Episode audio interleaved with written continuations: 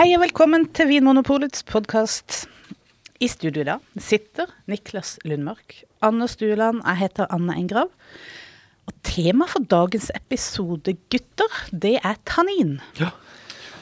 Hvordan er deres forhold til tannin? Elsker tannin. Elsker tannin. Jeg, ehm, jeg aksepterer tannin. Jeg anerkjenner tanninens plass i verden. Det er mitt forhold til tannin. Ja, for det er litt sånn elsk-hat-forhold blant eh, Ja. mange vindrikkere, i hvert fall. Og jeg må jo si at det er jo egentlig veldig rart at ikke vi har laget en episode om tannin før. At vi må liksom over 200 episoder, og så komme på Nei, kanskje vi skal lage noe om tannin. Ja, Fordi- for det er ganske sentralt. Det er jo noe veldig mange går og snakker om. Eller tenker på.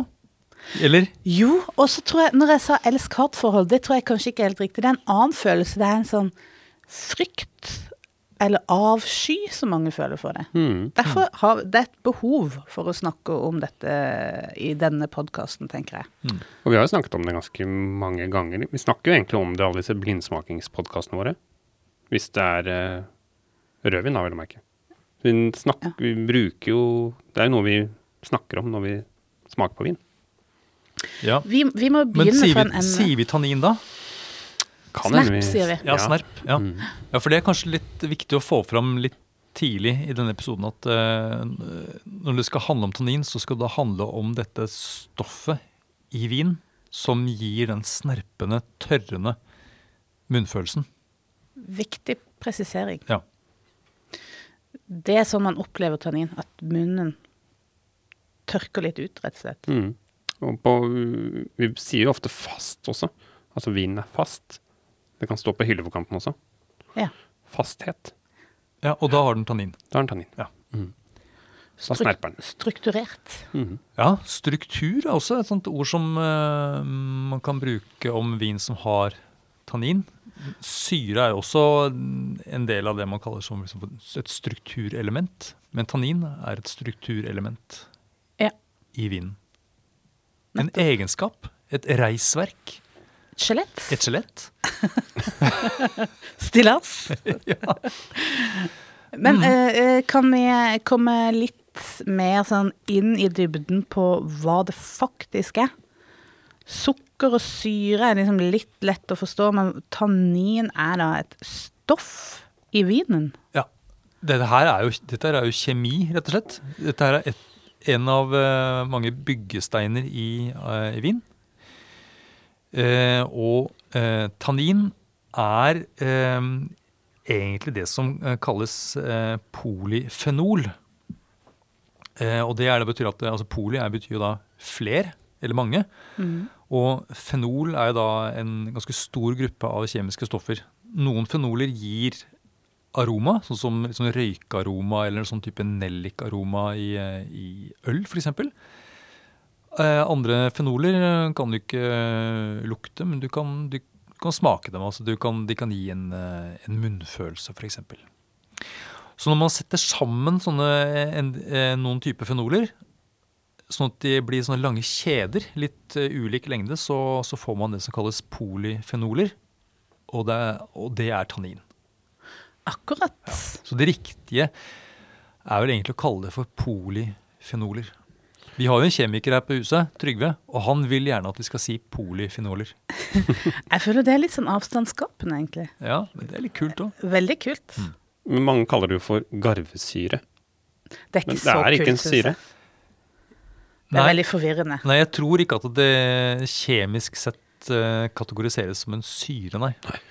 Det gjør det ikke. Og det smaker jo heller ikke syrlig. Så Nei. det er bare liksom Men garvestoff er det jo også mange som sier. Mm. Ja, men det står på hylleforkanten vår også. ja. Ja. Og da eh, må vi jo nesten si hvor, hvorfor heter det garvestoff? Ja, kan ikke du si det? Ja, nei, fordi når jeg, eh, når jeg garver hjemme ja. Hver fredag. ja, Garvefredag. Eh, så eh, da når man har, har et, et skinn da, hengende på veggen som er litt sånn Nei, dette blir helt fjernt. Men altså, å garve, det man, man gjør det for man behandler jo skinn sånn at det blir mykt. Og er da, man, da garver man det. Og Ja. garving, det var jo en en, sto, eh, en viktig eh, jobb i gamle dager. Et stolt yrke. Et stolt yrke. Eh, jeg regner med at allerede fra steinalderen så var det å garve eh, veldig viktig. Det var sikkert utrolig kjipt å ta på seg en litt sånn stiv bjør, bjørnefell. Ja. Eh, men hvis den, vært, hvis den ble garvet, så var den myk og deilig. Mm. ja. Og disse garvestoffene, da. Ja, Skal vi komme ja, inn på ja, den igjen? Ja, og, og, for, og for å garve skinnet, så, så brukte man eh, et avkok av bark.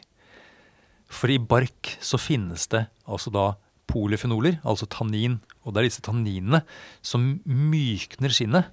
Og det er fordi at eh, disse polyfenolene, de eh, binder seg til protein. Ja, og, da, og det er i, i denne prosessen eh, at skinnet blir mykt, da. Eh, så derfor heter det eh, garvestoff. Og, og, og, det, og det heter å to tan.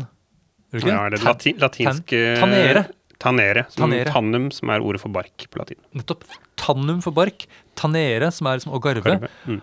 Og så heter jo da Hva heter juletre eller gran på tysk? Å, Tannenbaum. Ja! O Tannenbaum, o Tannenbaum. Nettopp. Alle løse tråder samles. Alt henger sammen.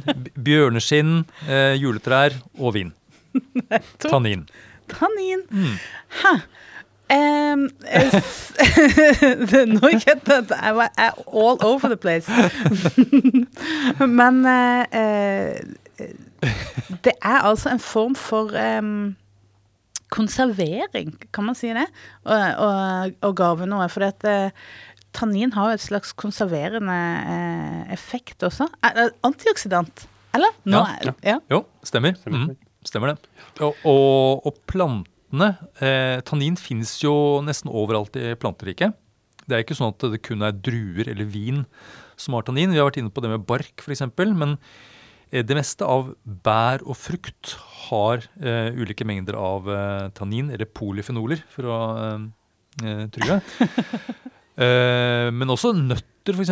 Eh, hvis du spiser valnøtter, så kjenner du jo at, det, at du blir sånn tørr i munnen. Ja. Og det er tannin. Te Te, har tannin. teposen ligger litt for Mhm. lenge, så blir det ganske sånn snerpende og Ja. tørt i munnen. Og, det er jo, og te er jo blader, ikke sant? Så de bladene også finnes det. Og det er, altså plantene bruker eh, polyfenoler som et, eh, det er et forsvarsmiddel, eh, altså det, det er et forsvar mot, eh, mot skadedyr. Men det er også en måte å eh, regulere når dyr skal spise frukten eller, eh, eller frøene eller bærene. Ikke sant? Fordi underveis i modningen så endrer disse polyfenolene sånn at de smaker mindre bittert og beskt. Så den koblinga mellom tannin og bitterhet, som jeg alltid blir litt streng når noen sier å her er det mye tannin, for det er så bittert. Sier jeg, Nei, det er ikke eh, Tannin er snerp, det er ikke bitterhet. Men da er det kanskje Det kan være noe i det, da. At smaken, grunnsmaken bitter henger sammen med, med tannin. Ja, jeg har lest at det er som at veldig, veldig, veldig korte sånne polyfenolkjeder kan oppfattes som bitterhet. Men om det faktisk er noe som oppfattes av reseptorene på tunga, altså det som henger sammen med grunnsmaken, eller om det bare er en, en følelse som ligner på bitterhet, eh, men som henger sammen med eh, et sånt angrep i munn, munnhulen, det vet jeg ikke. Fordi eh, når vi snakker om bitterhet, så, er, så snakker vi om grunnsmaken bittert. Ja. Mm. Mm. Men når man snakker om denne tørrende munnfølelsen av eh, tannin, og, eh, så, så er det jo ikke grunnsmak lenger. Da handler det om at eh, tanninet de binder seg til proteinet i spyttet. Sånn at eh, spyttet mister da sin smørende effekt. Og da, det er da det på en måte Da blir jo da liksom eh, Slimhinnene dine blir jo da eh, sårbare, ikke sant. Da, da De blir eh, slett irritert. Mm. Ja, for det um, har vi jo faktisk testa. Et litt sånn eh, ekkelt eksperiment. Som Ja, men det er veldig, det er veldig gøy. det er, på- på veldig, måte, ja. det er veldig tydelig. Det tydeliggjør akkurat det poenget du beskrev nå, Anders. Mm. Ja, fortell. Ja, for dette kan man gjøre hjemme. Vi har det faktisk med i grunnopplæringen til våre ansatte. Men det er ikke et krav. Jeg lurer er på om vi har sagt det frivillig, Ja. fordi det er så ekkelt. Er mer som en dåp. Vinopoldåpen Men jeg tenker at er du med i en vinklubb, eh, og der dere er liksom litt, eh, litt vågale og kanskje eh, gode venner, Ja, det Så- må man så- kanskje være. så kan dette være et, et, et fin, en fin ting å gjøre. Fin ting å gjøre er kanskje ikke Det er det kanskje ikke ordet. vakker ting å gjøre, men det er, en, det er veldig lærerikt, syns jeg. Det, det lærte meg mye om tannin. Og da skal vi kanskje forklare hva det faktisk er. Ja. Eksperimentet vi gjennomførte etter tips fra noen andre Jeg lurer på om det var Nathan Myhrvold? Husker ikke. Eh, eh, I hvert fall, har du en vin, en rødvin med tydelig snerp, eh, og så har du et i et glass, og så har du et tomt glass ved siden av. Så tar du inn litt vin i munnen, en god munnfull, skyller rundt i munnen, dekker hele munnhulen rundt, og spytter vinen ut i det tomme glasset. Og så kjenner du oh, yes! Denne eh, vinen eh, snerper skikkelig, den tørker ut, et ordentlig grep i munnen. Og da kan man se oppi det glasset der man har spytta ut den vinen man har eh, hatt inn i munnen, at disse eh, polyfenolene har bundet seg til disse eh, til spyttet i lange kjeder. du ser at det er blitt litt klumpete. Det blir sånne proteinklumper. Det ser litt ut som sånn eggehvite Det høres mye Grums. eklere ut nå når jeg beskriver det. Det er ekkelt. Ja, det er ekkelt. Ja. Jeg, jeg var så begeistra da vi gjorde det første gang. For, for det som skjer da, er at hvis du da smaker på det du har spytta ut, en gang til, så vil man oppdage at den tanninen som da tidligere snerper seg veldig mye, nå er da bundet fast til proteinet som du tidligere hadde i munnen.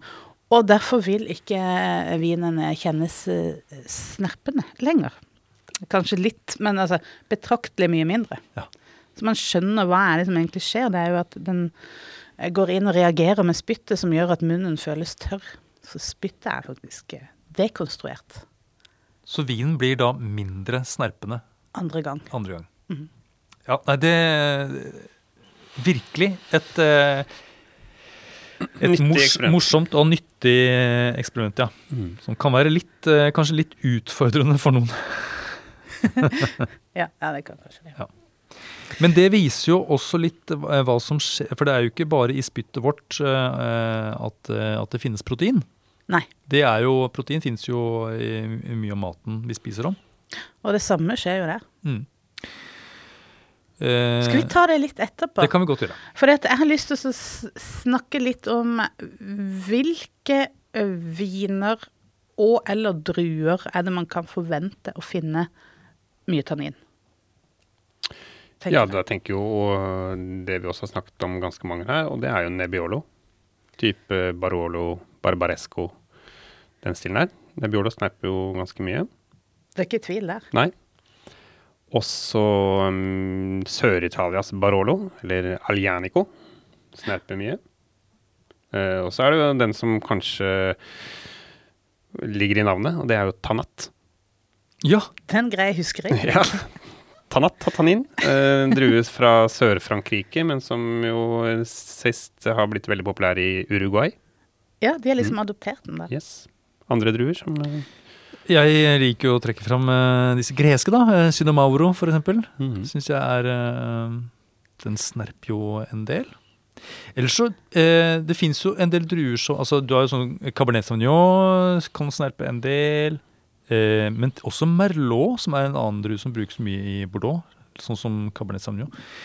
Og der står det i mange bøker, eh, vinbøker at Merlot gir bløte viner, altså viner med eh, ganske lite tannin. Men jeg har opplevd ganske ofte at Merlot-baserte viner kan snerpe ganske mye. Og det samme gjelder også viner basert på pinot noir. eh, Som også er en drue som eh, gjerne omtales som en sånn litt sånn tanninfattig eh, drue. Ja, den blir trukket fram som sånn lavtanninvin. og så har, har jeg kommet over eh, altså, eh, Det snakket vi om for litt siden. Om, altså Gamé-baserte viner. Altså Mm. den druen som brukes i Beaujolais. Det finnes, du får gamé med, som snerper eh, ganske bra også. Mm. Så det eh, Og dolcetto. Ja, Dolcetto, ja. Mm. Men eh, det er jo liksom de første som, som Niklas nevnte. Det er liksom de klassiske sånn virkelig tanninrike. Og Malbec. Og Malbec ja. Ja. og Sagrantino. Å ja, det er Ja. kanskje den verste. Det er kanskje den verste. Ja, men en Sagrantino fra Umbria. Eh, Sagrantino di Montefalco. Ja. Det er jo et eh, monster. Ja. Og krever lang, lang, lang, lang, lang tid i kjelleren for å egentlig Eller mye spytt. Eller Ja. mye spytt. Ja. Ja, for der er vi litt ulike. Jeg er blant de som toppsalivatorene. Ja, det er faktisk målt. Jeg har målt det er veldig god spyttproduksjon. Ja. Så det snerper litt mindre for meg. Jeg er litt munntørr. Jeg eh, saliverer ikke så, så mye som det du gjør, Anne. Nei, og du har hvordan, Hva føler du om sagrantin? Nei, jeg, nei, jeg syns jo det er en, det er en vanskelig, eh, vanskelig drue for meg, syns jeg. Mm. Selv de søte versjonene syns jeg er eh, litt for, Tråd. litt for trå. Mm. Ja, tråd. et annet, et annet ord um, som gjerne brukes da Litt negativt. når det er negativt. ja. Ja. Det er ikke, det er ikke positivt å Nei, si at en vin er tråd. det er bra. Mm. Trå, da er det ikke så, så bra lenger. Ja. Et godt grep, har jeg også hørt. Mm. Mm. Men er det bare rødvin som er eh, tanninvin? Uh, nei, det Men eh, det kan også være oransjevin. Ja. Og, men ikke i hvitvin. Eller hvitvin kan jo ha et lite grep, det også. Ja. Men, Ja. eh, ja. Det er sant. men normalt sett så er det jo ikke tannin i hvitvin. Men man kan kjenne som du sier at det er jo For dette her er jo grader, ikke sant. Det Mm. er eh, et sånn Den lille ruheten eller dette lille grepet som man kan få i hvitvin, det kan stemme fra, fra druen, men det kan også stamme fra fat, f.eks. Mm. Men å si at hvitvin generelt er snerpende eller tanninpregede, det er jo Da er det jo en oransjevin. Da er, da, er, da er vi over på oransjevin, ja. Mm. Mm. Og det er jo ikke alle oransjeviner heller som har en sånn tydelig snerp. Rosévin, da? Ja, noen. Sånn som Tavel i Sør-Frankrike. Som er ganske sånne dype, fyldige, smaker mye, som kan ha en del øh, fasthet eller et grep, da. I motsetning til kanskje sånn Provence-rosé, som er, Som er som en hvitvin? som er som en hvitvin. Ja. Mm. Mm. Men da er det heller ikke snakk om mye snerp. Nei, men det vil jo kanskje, du vil kanskje oppleve det som en del snerp i forhold til det du er vant til med en rosévin. Ja. Men det er jo fortsatt uh, lavt på snerp. Ja. Jeg tror vi har, beveger vi oss nå inn imot hvordan er det denne her eh, snerpen kommer inn i vinen. Ja, Ja. det passer bra. Skal vi begynne med druene, da? Ja, det syns jeg. Ja, fordi For å lage vin så må du ha druer. Og i druene så finnes det naturlig tannin, som vi da eh, alle vet. Eh, men eh, hva består druen av? Eh, Den består av Snakker vi om druens fysiologi nå? ja, eh, Ja. eh, en vindrue, ikke en sånn kjøpedrue som du får i- kjøpt i butikken. Eh, nå snakker vi om sånne ordentlige druer. Ja. De har jo da skall, og så er det da fruktkjøttet. Og så er det da steiner inne i druen. Det er det vanlige i vindruer, da. Og så har de ofte en, en stilk også, selvfølgelig. Og da er det altså eh, Tannin eh, finner man da i skallet, steinene og stilken. Og det er altså Ikke i fruktkjøttet. Nei.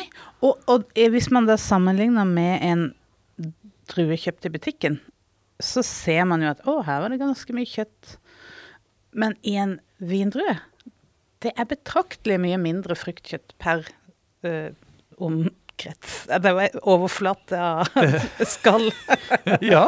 Og gjerne ganske øh, store steiner òg. Og mye stein. ja, Og, tykt, og tykt sk skin. Skinn. skin, skin, skall, skinn. Ja. Ja. Og der har vi jo, eh, der har vi jo tannin eh, gjemt. Ja, så klart. Også hvis du har en drue med tykt skall, eh, mye store steiner, eh, som hvor andelen fruktkjøtt er eh, lite, så, eh, så er det i hvert fall et potensial for å få mer tannin i vinen. Ja. Og så er det litt ulike typer tannin, da, eh, eh, avhengig om det er skall, stein eller stilk. Og da, da sier man at det er, liksom, det er større eh, sånne polyfenolkjeder i skallet enn det er i steinene. Der er de kortere. Og hva har det å si? Jo, og det, det man har funnet ut, eh, de, de korte kjedene, de, eh, de snerper mer. De opplever vi som mer snerpende enn de lange kjedene, som ikke da snerper så mye. Så Det betyr at eh, tanninene fra druesteinene de har en tendens til å gi mer snerp enn tanninene fra, fra skallet. Og når det gjelder stilken, så er det en sånn, kan det, det er litt sånn, eh, en liten blanding, da. Men her kommer det med modningen.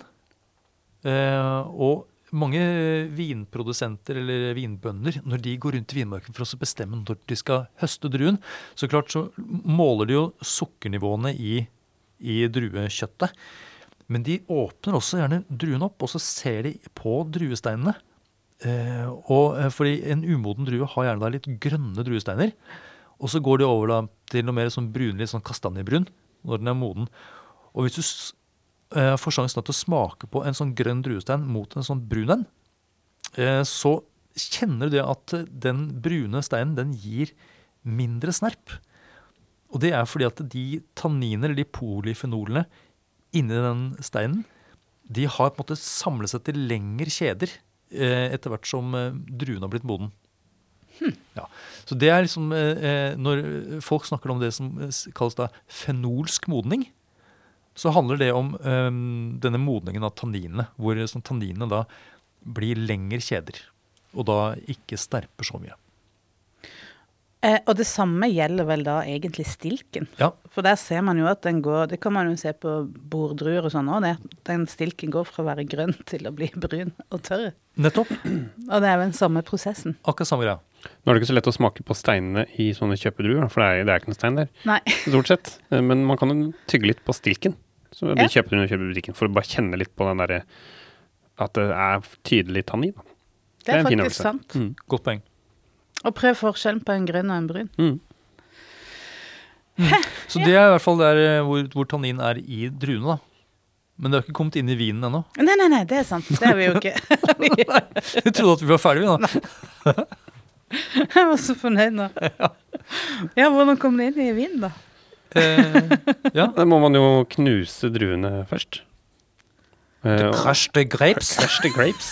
um, og så Det er jo kanskje det da som skiller rødvin og hvitvin. At man med hvitvin man knuser druene, og så uh, siler man av uh, mosten. Så at uh, mosten ikke ligger og fermenterer eller gjærer sammen med skall og steiner.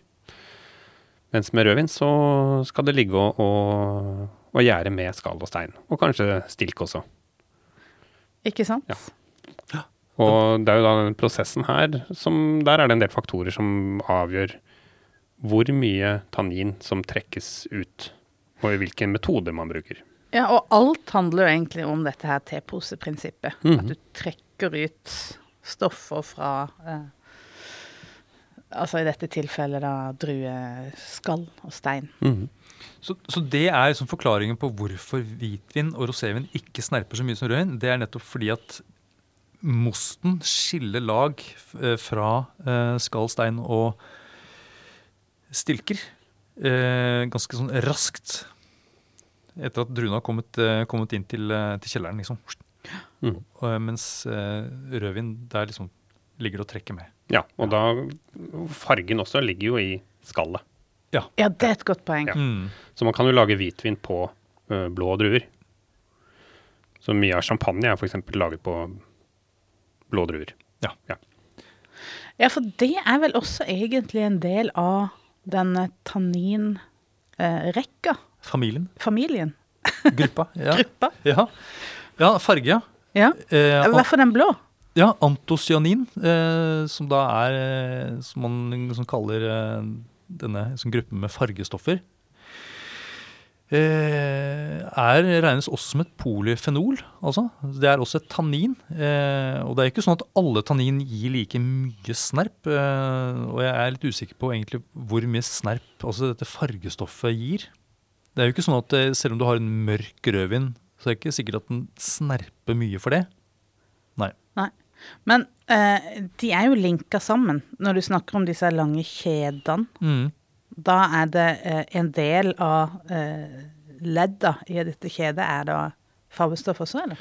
Ja, de, altså med en gang du eh, Når, når, når vinen holder på å, å, å gjære og bli til vin, da, så trekkes jo fargestoffene ut, og da, da er disse antiocyaninene, som da er tannin, de, de som svever litt rundt da, i denne vinmassen.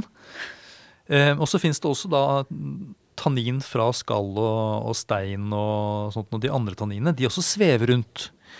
Og da, de, de liker hverandre, disse. Eh, antosyn, altså disse fargetanninene, antocyaninene. Har de følelser? De, ja. det er sånn litt sånn eh, Det er litt sånn Tinder. Eh, sånn- det er litt sånn swingers-opplegg eh, i denne eh, druemosten. Og så på en måte så, og så finner de hverandre, og da knytter de, knytter de varige vennskapsbånd.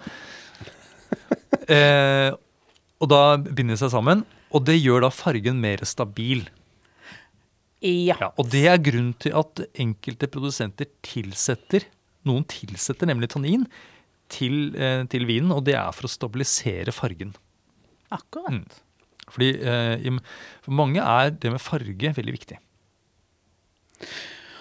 Og eh, dette uttrekket eh, av tannin i eh, Bare for å ta ferdig Ja, den mye lite. Ja. masterasjonen. Mm, ja. Ja.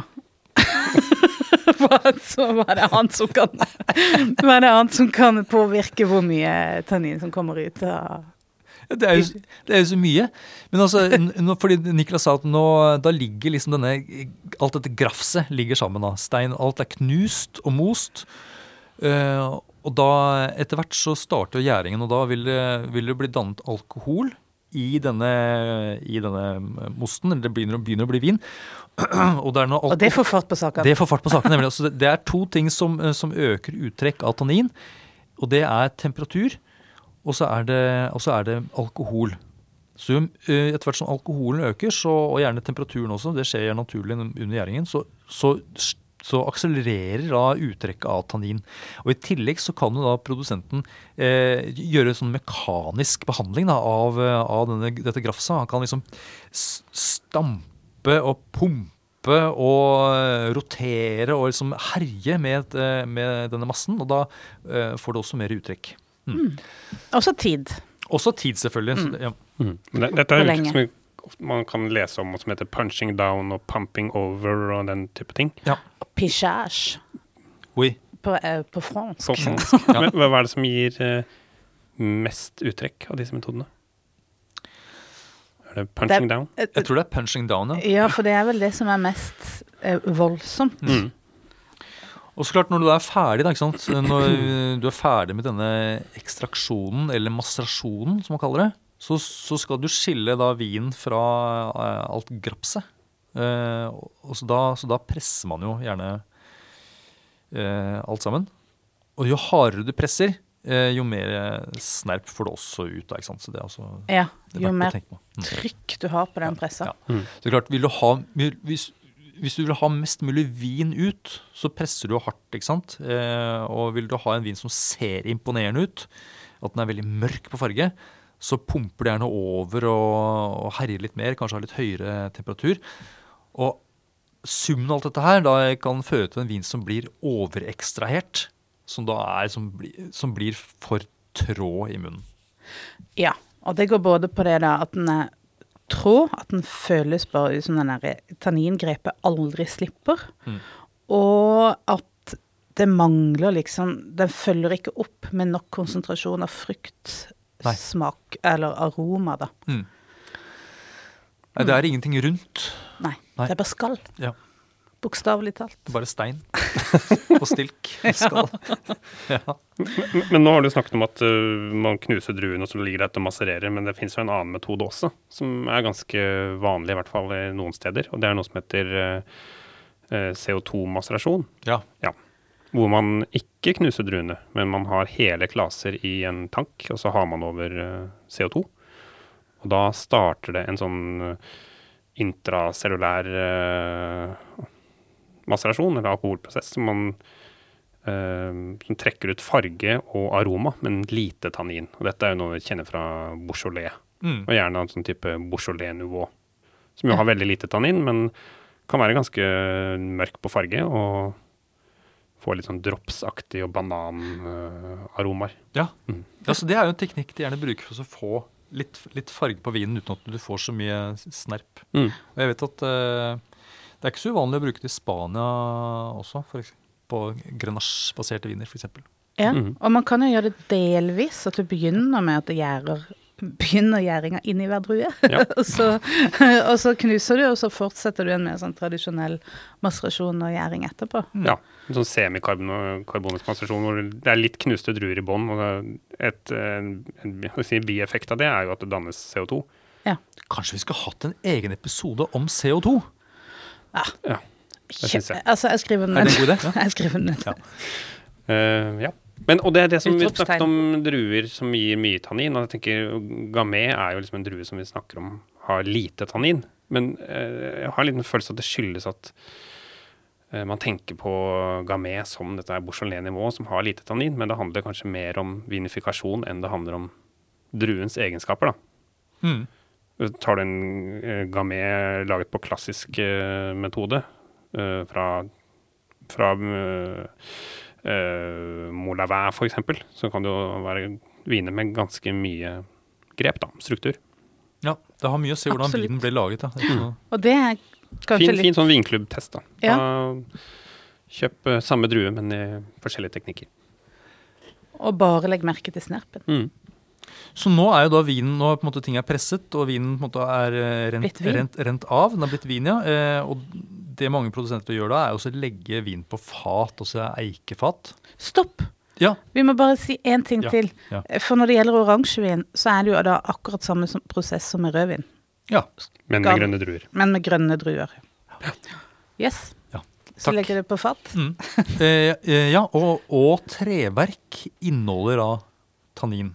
Tannenbaum. Ja, nettopp. Eh, Sånn at det, og, og hvis fatene er nye, så, har de jo, så avgir de mer tannin, eller om det er fat som har blitt brukt noen ganger. Da, ikke sant? Eh, Og små fat, eh, da på en måte har er jo andelen eh, eh, treverk eh, mot, eh, som, mot vin er jo da større. Og type eik òg. Type eik har noe å si, selvfølgelig. eik. Eh, ja. Mm. Også, men også modningen av eh, eikestavene, altså eh, hvor lenge eikestavene har ligget til tørk eh, før de brukes av bøkkeren. Ja, for da har de blitt lange. Når de ligger lenge, så Yes, blir de det lange, ja, disse her. nettopp. Så hvis de brukes for ferskt, så er det, så er det også litt sånn, kan det gå utover tanninkvaliteten, eller at det snerper mer. da. Men fat kan også potensielt da gi tannin til vinen. Det er vel en Altså, det har man, man kanskje kjent i hvitvin, da. At det er grepet fra fat. Ja. Også, Ville dere eh, Ville dere vedda Jeg vet hva du skal spørre om. Ville dere vedda hus og hjem på at dere kunne smake hva som er fattannin, og hva som er drutannin? Nei. Nei, jeg ville ikke veddet min gamle Golf engang. Som faktisk Selv om man av og til tenker man, Når man smaker på vin, så tenker man fattannin, eller eh, her er det så mye sånn stilktannin. Ja, men jeg, nei, jeg, det, jeg vedder ikke. Men uh, går det an å uh, Fordi når noen smaker vin og sier at det, uh, det er veldig grov uh, fattannin her, så da har man For det første, da er man sikker på at, at det er en vin som har ligget på fat. Ja. Det, er ikke, det er ikke noe du slenger ut uten å være trygg på at det, at det er en fatlagret vin.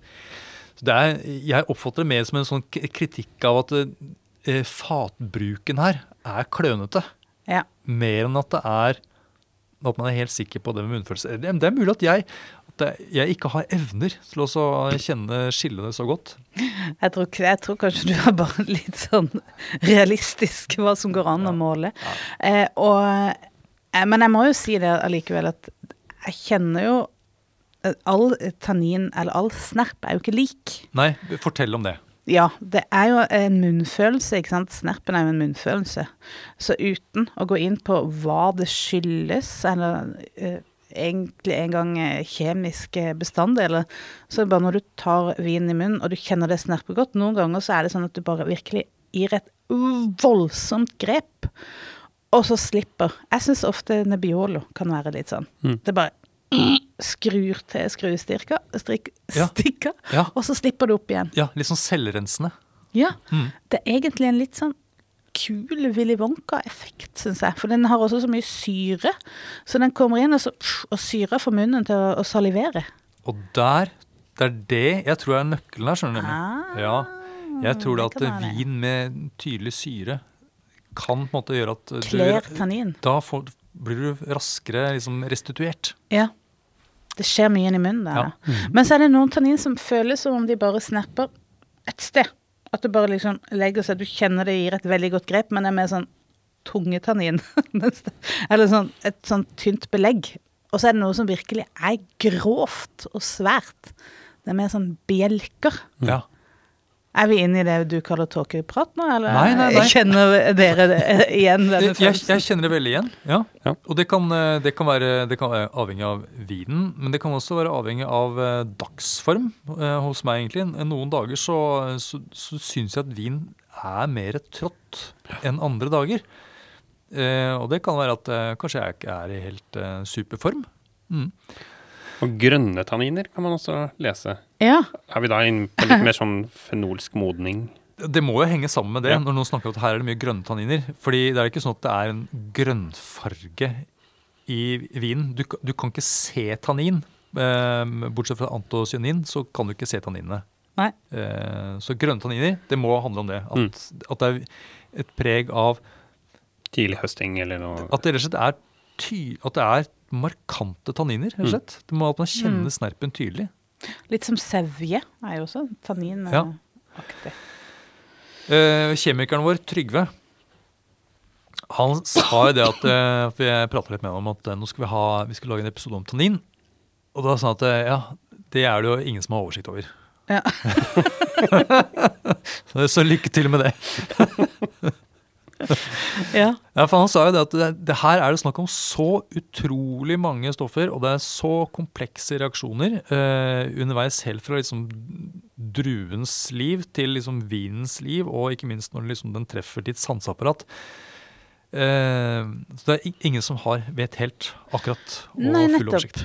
Men det eh, støtter jo egentlig den eh, følelsen min, da, av at taniner er kan være, oppføre seg veldig forskjellig. Mm. Det er ikke bare det at det er snerp, men det er forskjellige typer snerp. Mm. Men det å finne de riktige orda der, da, det blir jo litt sånn subjektivt, kanskje. Og kanskje folk har litt ulik Eller det har de jo, det vet jeg. Ikke det at jeg studerte, men jeg har hørt rykter om det. At folk har ulik spytt. Ja, det vet vi jo, vi har jo tatt prøver. Ja, Som toppsalivator, vil jeg bare si at Ja. eh, Nei, men stor altså-. Men la oss si at, du har, altså, at uh, noen typer tannin reagerer lettere med, med ditt, ditt, sånn, ja. ditt spytt enn mitt spytt, f.eks. Ikke sant? Ja, Ja. hva som finnes i folks spytt. Ja. Sånn at uh, Det kan også være noe som gjør at uh, folk opplever snerp forskjellig. At de rett og slett har ulik både mengde, men også mm, type spytt. Åh, ja, Mm. nå begynner det å bli mye her, Ja, synes jeg. så det, mm, det, Kanskje det blir neste, at man liksom da får undersøkt hva slags spyttprofil du har. Og så kan man gå til Vinpolet og så kan man si at eh, jeg er eh, en sånn B-salivator. Ja. Og så får man da vin som passer til det. ja. Jeg er B-salivator og skal ha en eh, biff. Men, men det er jo også noe man lærer seg å like. Det er sant. Ja. På likning med at du lærer deg å drikke kaffe, f.eks., eller du eh, lærer deg å drikke mørk sjokolade. Mm. Så Jeg Syns du at folk er litt barnslige, Niklas, når de sier at de ikke liker vin med tannin? Ja. ja. Nei nei, Litt, litt umodne. ja. Nei, men jeg skal være så frekk og si at eh, ja, jeg syns det er litt eh, Ikke umodent, men jeg tenker at det er litt sånn Litt ved du, du, på en måte, du går glipp av noen ting, da. Det gjør man. Ja. Jeg syns den frykten er litt, det er litt synd at man er så redd for tannin. For da Ja, for er det, er det farlig? Altså, det er ikke du skal ikke bade i en eh, sånn ren oppløsning av, eh, Garvestoff. av garvestoff, regner jeg med, men Tanniner er jo noe man øh, har egentlig har god helseeffekt av, men vi skal ikke, det, det akkurat det, vi skal ikke diskutere at det rødvin er helt, for det, det, det skadelige i å drikke vin tror jeg går over det og helseeffekten av tannin, men øh, det er ikke farlig, nei. Nei, blåbær har jo samme greia. Det er Mm. veldig sunt i store mengder, men ikke så mye vin, da.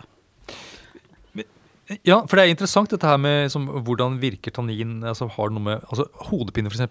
er jo et tema som dukker opp når man snakker om tannin. Og Det kunne jeg godt tenke meg å snakke litt om. Men før vi går dit, så, eh, så eh, følte jeg at vi var ikke helt ferdig med vinens liv. Nei, nei, nei. nei. For den hadde kommet til dette fatet, men så tappes den på flaske. ikke sant? Og, Yes. så, og så ligger den eh, kanskje i en vinkjeller og utvikles. Men jeg kan tenke meg å si noe Ja. før det òg, jeg. Ja. hva er det som skjer med tannin i et fat, kontra eh, en ståltank f.eks.? ja. For det er jo noe oksygen som kommer til her, i et fat. Det er sant. Ja, Ja, det er fordi, fordi oksygen er jo noe som eh, gjør at disse tanninkjedene binder seg sammen. Du får, eh, oksygen gjør at du lettere får dannelse av lengre sånne tanninkjeder. Så det gjør jo at, at du får eh, Ja, vinen snerper egentlig litt mindre, da. Mm. Hvis den ligger i et miljø der den utsettes for litt oksygen. Og, det, og det, sånn er jo trefat, eh, og sånn er ikke stålfat. Og derfor så er det jo en del som bruker det som kalles mikrooksygenering eh, når de eh, modner vin på stålfat. At de har en kontrollert tilførsel av litt oksygen. Bitte, bitte små bobler som de bare liksom vupp, Men de gjør det jo mye raskere enn den veldig seine prosessen det er å utsette vin for oksygen på fat, som går mikroseint. Ja, mikro, mikro. ja, nei, det var et uh, godt poeng. Mm. Men, men så havner den i kjelleren. Jepp. Og der blir den liggende lenge. Så hvis, og da er, er, da er det sånn at over tid, over langen, så, så har disse tanninene en tendens til også å samle seg til enda lengre kjeder. Polymerisere, som det heter. Og hva skjer da? Og, da, Da? og, og det har vi lært nå, at eh, jo lengre kjedene blir, jo mindre snerpende eh, blir de. Og noen ganger så blir de så lange at de klarer ikke å holde seg flytende eller oppløst i eh, løsningen lenger, i vinen. Så de felles ut Og detter og ned. detter til bunns. Ja. Som et uh, tørrstoff. Ja, Rett og slett. Som et lite flak. Og da, når du først sier tørrstoff, da, så kan vi Eh, Så er det også et ord som har blitt brukt om, om tannin.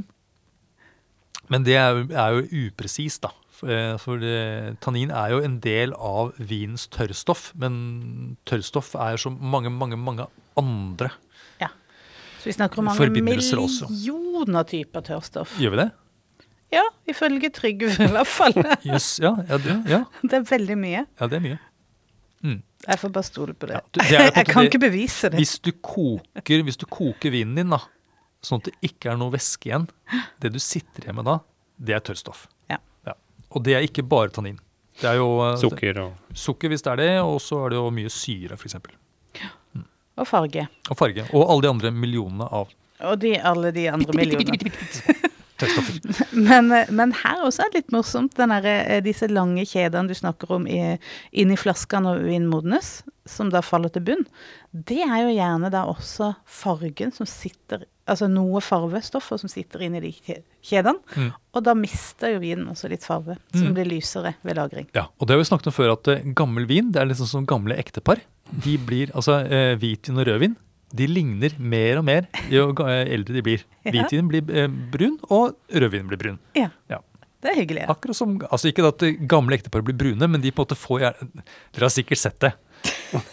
Når du Jeg har sett sånt- bilder. Nei, men når du går bortover gata, så ser du et eldre ektepar Ja. eh, gå bortover gata og ser dem bakfra. Ja. Og da er det vanskelig å se Ja, de har fått samme Forskjell. sveis og samme klær og, Ja. Mm. og innstilling til livet. Yes. blitt oksidert. Ja! Eh, ja, men da har vi på en måte tatt for oss vinen, men så er det Men, men, men når du er inne Ja. på det med lagring, er det sånn at eh, Kan man si det sånn at uh, vin med mye tannin uh, er bedre for lagring? Ja, det er jo um, det kan, Tannin kan fungere som en antioksidant. Altså tannin kan binde seg til oksygen. Mm. Ja, så det, Og det kan jo være en fordel. Det kan være en fordel, Mm. Ja. For å slippe at det blir oksidert. Ja. Og det er noe av grunnen til at øh, det er uh, tillatt med høyere verdi av svovel i hvitvin i EU EU-regelverket enn for rødvin. Fordi det ikke, Du trenger ikke tilsette så mye svovel fordi det er tannin naturlig i rødvin. Sånn er det. Sånn er det. Hvor skal vi gå videre Ja, herfra? hodepine, for eksempel. Hodepine, ja. Mm. Ja, for det er en del av livet, eh, livet til vinen. Ja. Den har nå blitt konsumert. Har du fått hodepine av tannin, Anne? Det tør jeg ikke påstå, men jeg har fått hodepine av vin. Det kan jeg jo være ærlig på. ja. Men eh, jeg, jeg tror det er en liksom feilkobling, det at eh, man tenker at den hodepinen skyldes tannin i vin. At jeg er rimelig sikker, jeg føler jeg har legestanden med meg når jeg sier at det er alkoholen som har gitt meg hodepine. Ja. Men eh, Eller restproduktet av eh, Ja, kroppens behandling av alkoholet. noe sånt. Noe acetaldehyd i lever og ja, og så videre. Jeg vet ikke. Jeg men tannin ikke er liksom litt eh, misforståtte mobbeofre.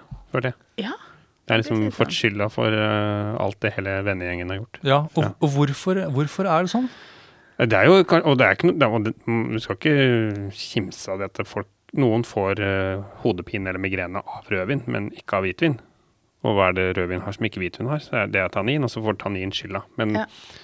eh, rødvin det er komplekst. Det er ganske mye forskjellige stoffer. Histaminer blant annet. og sånn som det, det er ganske mye som kan være skyld i det, og noen reagerer mer enn andre. Mm. Men uh, tannin er det faktisk ingen dokumentasjon på at det gir hodepine. Nei. Nei, og da burde man jo Altså, nå snakker jeg jo om ting jeg ikke vet noe om.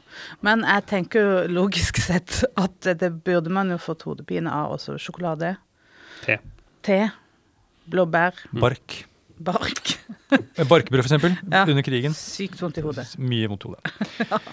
Eh, ja, men vi, vi kan jo, altså selv om vi ikke vi har funnet noen dokumentasjon på det, så, mm, så kan vi ikke Vi er jo ikke spesialister. Vi kan ikke liksom si at det Nei. er bombesikkert Ja, der tar du feil, liksom. at du tar helt feil. Vi- Men eh, sannsynligvis så er det ikke tannin som er årsaken. Vi kan jo si det litt sånn at Hvis du lurer på hva det er som er i produktene du selger, så kan du spørre oss på Vinmonopolet. Men hvis du lurer på hva som kroppen din tåler, så må du snakke med fastlegene. Syns Ja. det er en fin regel. Ja, det var en fin regel. Veldig fin regel. Men hvis man da vil finne ut da på egen hånd, enten om man sitter i nettbutikken eller på appen eller eh, står i butikken og ikke får hjelp, eh, og vil finne ut av hvilke viner er det som Altså hvor mye tannin har denne vinen? Ja, det er et veldig godt poeng. Eh, Hva gjør du da? hva gjør man da? Kan du se på etiketten? Det kan man ikke. Altså Hvis ikke man husker alle de druene vi har nevnt, men du kan ikke være sikker. Det kommer jo an på Hvordan man lager så vinen? mye annet. Ja, nettopp. Og modning og produksjon og alt mulig. Jeg vet svaret. Vi, alle vi her vet hva som er svaret. Ja. Det hadde, der, der kunne satt seg huset Ja, igjen. For, For nå snakker vi da om klokkediagrammet. Ja, men bare se hvor mye klokka er. ja. Ja, nettopp. ja. Eh, eller, eller kakediagrammet, som også noen kaller det. Og det, det er disse Ja. sirkelsymbolene vi har på hylleforkanten. Alle produktene har en sånn, eh, i hvert fall vin har det. Og der er det en egen for eh, Der står det garvestoff nå. Mm. Det, Ja. står, det står ikke snerp eller tannin, det står garvestoff. ja. Eh, og det er det svarte feltet som angir hvor mye det er. Det hvite feltet er liksom Det er det, det Og hva vil du Ikke. si er Mye. en veldig snerpende rødvin? Jeg tenker at en, eh, en sånn typisk Nebbiolo-basert vin, da, Barolo Barbaresco, fort havner på nieren. Ja. Klokka ni. Ni er nesten et minimum for Nebbiolo. Sånn Ja, tradisjonell. Ni-ti, da har du på en måte en vin med, med markant snerp. Mm. Mm. Mens, men de fleste rødviner ligger jo på sånn sju-åtte på snerp. Ja. Så det er jo ikke, det er ikke langt unna. Men dette her, og det er kanskje viktig å få frem, er at disse klokkene de angir ikke en, en kjemisk analyse, altså en faktisk mengde av tannin i vinen. Det angir den sensoriske egenskapen, altså hvordan du vil oppfatte det. Ja. Mm. Hvor, eh, en måte, hvor eh, tydelig egenskapen er eh, i vinen. Da. Ja. Og så er det én ting til jeg syns vi må bare ha med som et sånn lite forbehold. For det at alle produkter som blir lansert av Vinmonopolet, eller altså det vil si alle produkter som Vinmonopolet setter i hyllene Ja, rundt omkring i butikken og parti. Ja. Basis, ja. De er jo eh, på en måte sikra at man bruker den samme skalaen for eh, denne sensoriske vurderinga. Ja. Vi har jo et eget panel som eh, er veldig godt drilla til det, SPI. I tillegg så har vi Kjetil, Og Kjetil. Som God er- bless ja, Kjetil. Han sitter og smaker alt sammen og liksom kontrollerer. Ja. Ja. Eh, men så har vi jo alle de mange, mange tusen, jeg holdt på å si millioner, begrensa litt, eh, viner som finnes i bestillingsutvalget vårt. Ja. Der er det jo grossisten sjøl, altså vinimportøren, som registrerer inn eh, de ulike verdiene.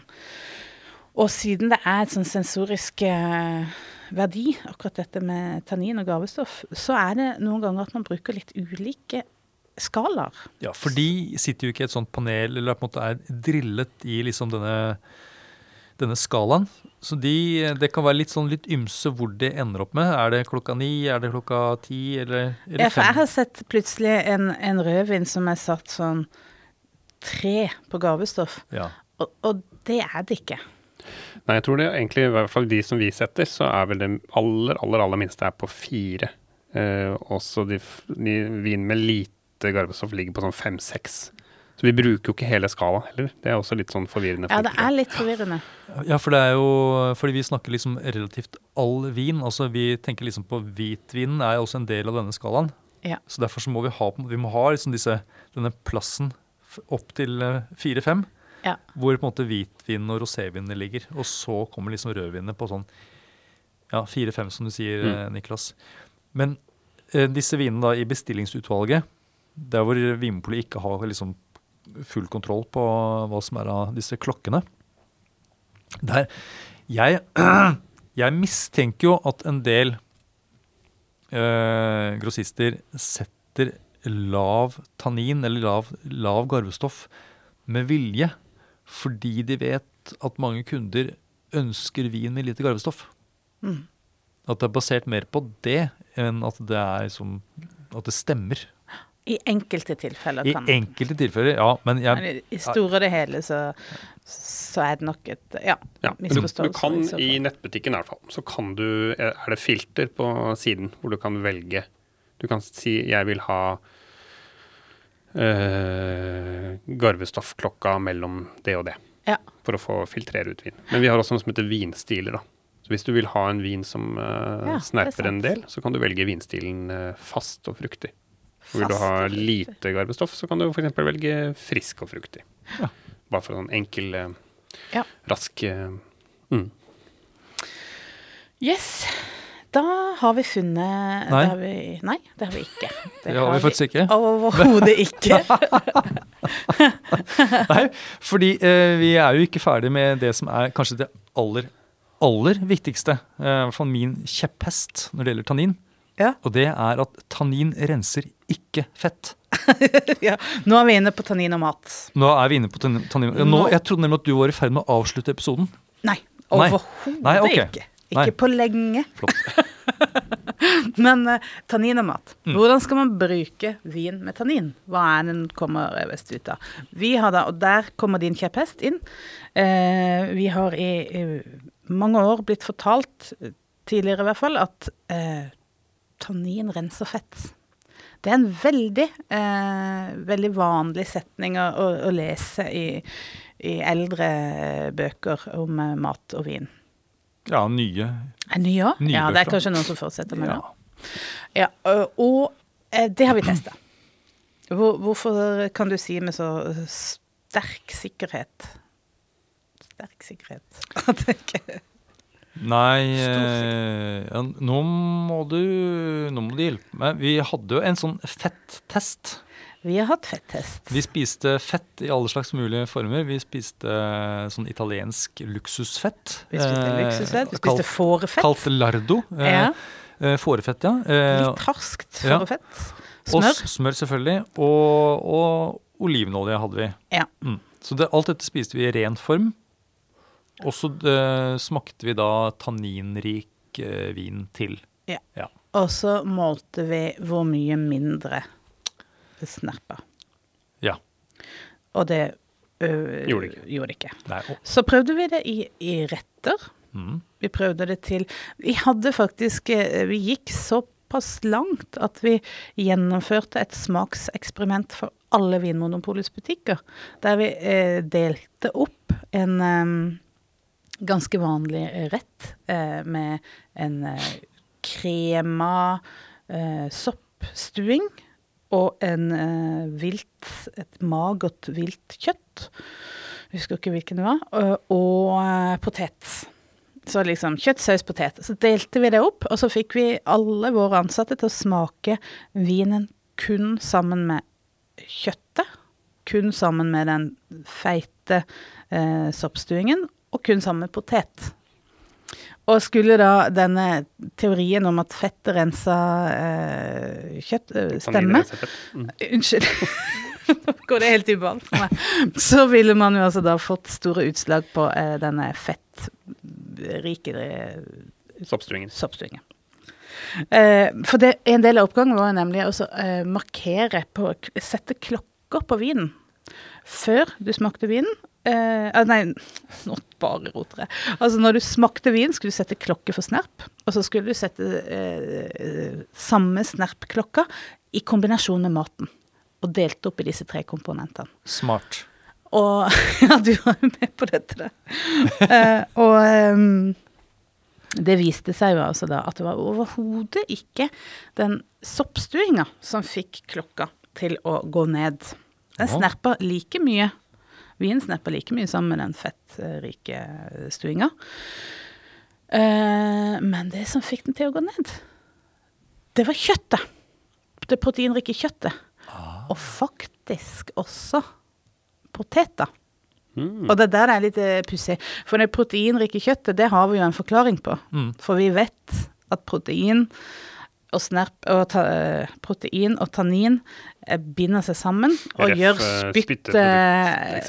Ja. Ja. Mm. Og da tar liksom tanninen tak i proteinet i maten og binder seg til det. Ja. Og så binder det seg ikke til spyttet, så det tørker ikke ut munnen på samme måte. Derfor virker det mindre snerpende. Fordi at tanninen er opptatt med maten, og ikke med, går ikke på spyttet, da, hvis man skal snakke om det som et angrep. Eh, mens med fettet så skjer det ingen eh, Da skjer det ingen reaksjon i det hele tatt. Så der er, går allikevel tanninen eh, rett på eh, proteinet i spyttet, og får det, og tørker det ut. Mm. Eh, eneste som er, er det at eh, når du spiser veldig sånn fettrik mat, så smører jo fettet munnen, da. Mm. Så du får en viss kompensasjon for det, eh, for det som eh, tannin og, spytt holder på med, Ja, det blir sånt et belegg. på en måte. Ja. Skjønner. Og så en annen ting med det med kjøtt, at du gjerne tygger kjøttet. Yes! Og det å tygge, det øker jo spyttproduksjonen. Akkurat. Ja. Så hver gang du tygger, så squirtes det ut litt spytt. Ja, Noe som gjør at Og det smører munnen, og da virker vinen mindre snerpende av Ja. den grunn også. av den grunn. Mm. Men det som var litt rart, det var jo at poteter også demper snerpen. Det Ja. har vi aldri egentlig funnet noen god forklaring. Nei, det har vi ikke. Og, eh, og vet dere hva jeg eh, syns er veldig godt til en skikkelig snerpende eh, rødvin, f.eks.? Ertestuing. Ja, nesten. Ertesuppe. Ertesuppe, ja. Mm. Men også brødskive med peanøttsmør. Men eh, ok, ertesuppe forstår jeg, for erter er jo protein. Ja. Så det er jo en sånn eh, Men så er det en annen Dempende. ting også i en god ertesuppe. Det er jo gjerne kjøtt da, som er kokt lenge. Ja. Du har gjerne noe sånn en sånn eh, svineskank eller labb som du har på en måte kokt lenge, ikke sant? Eh, og der, i, i det så er det jo altså, det er mye sener og brusk og sånt noe. Og når det koker lenge, så, så, så løser gelatinet seg opp. Og gelatin, det er jo protein. ikke sant? Og det, og det binder seg. For selv om når vi tygger proteinrik kjøtt som i en filet, så får vi i oss mye eh, protein, selvfølgelig. Men det er jo mer i chunks, det er ikke så lett tilgjengelig. Nei. Som i en sånn innkokt gryte der du har brukt bein og marg og knokler. Ja. Det er jo virkelig tannin eh, Mat. oppløsende. Mm. ja. Og Ja. da også sånn skysauser og sånne ting, hvor du har liksom kokt en ordentlig god kraft eh, på liksom litt sånn slintrete kjøtt. Og litt som vi snakket om i den uh, skreiepisoden for en stund siden, hvor vi snakket om at det var lettere å få en rødvin til å passe hvis man hadde liksom en sånn skysaus eller bacon eller uh, Ja. en rødvinsaus med noe god kjøttkraft i. Linser. Linser. Mm. Mm. Men, ja, men, men noen Og det Vi har jo vi har, vi har ikke hatt krangler Nei da. eh, Overhodet ikke. eh, Men, Ut, Faglig utveksling. Ja, faglig utveksling og litt sånn uenighet om, måte, om, om det med fett og tannin. Fordi eh, det kan jo ha noe for seg det å drikke en, en snerpende rødvin til feit mat, fordi det er en, det er en kontrasterende munnfølelse til det der belegget du får av fettet. Så føles det godt, eller i hvert fall det føles som en avveksling å få inn da denne snerpende munnfølelsen som et brudd. Eh, Ja. Men det er ikke fordi at tanninen reagerer kjemisk med fettet og renser det bort. Det er mer det at du, måte, du får to ulike munnfølelser. Og det syns jeg jo er en av eh, styrkene til tannin. Er jo nettopp det at det er en sånn tydelig munnfølelse. Jeg er jo veldig glad også i, i syre i, i vin, for det er jo også noe som er fint å bruke som en, enten en kontrast eller en, eh, noe som er likt med maten.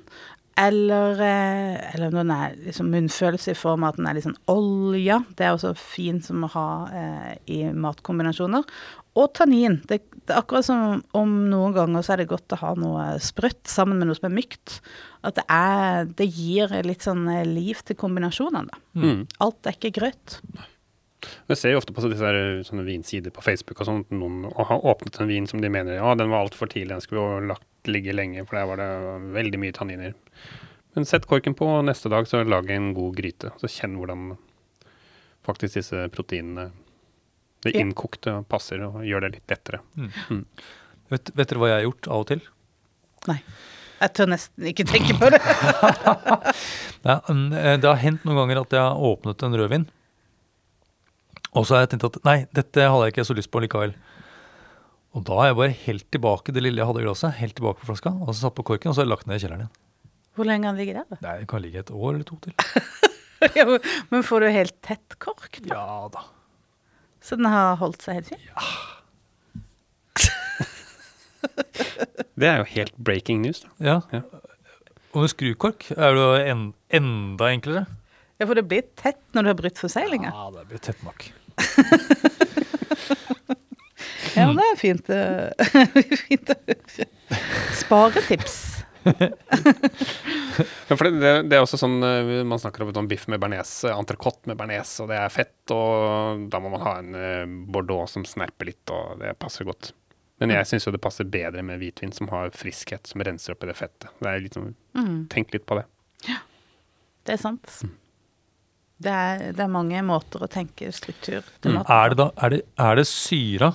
Syre renser det fett? Det gir i hvert fall en munnfølelse som er Rense behagelig. munnen, kanskje? Nei, jeg vet ikke. Ja, men det renser jo på den måten at du får mye spytt. Ja. Så det renser jo munnen.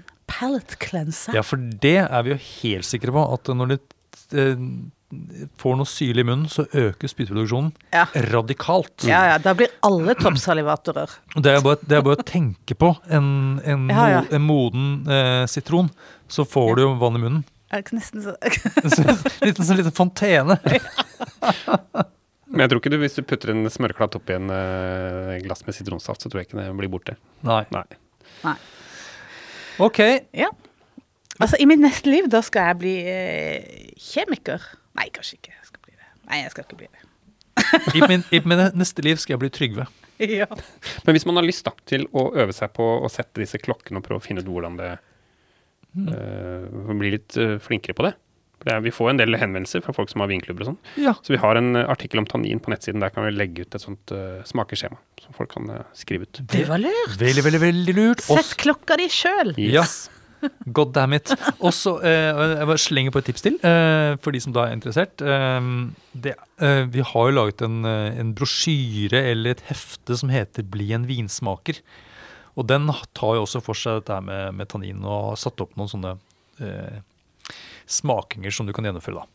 Den kan du bare, bare søke opp 'Bli en vinsmaker' eh, og PDF kan du også skrive i søkefeltet, så tror jeg du finner det.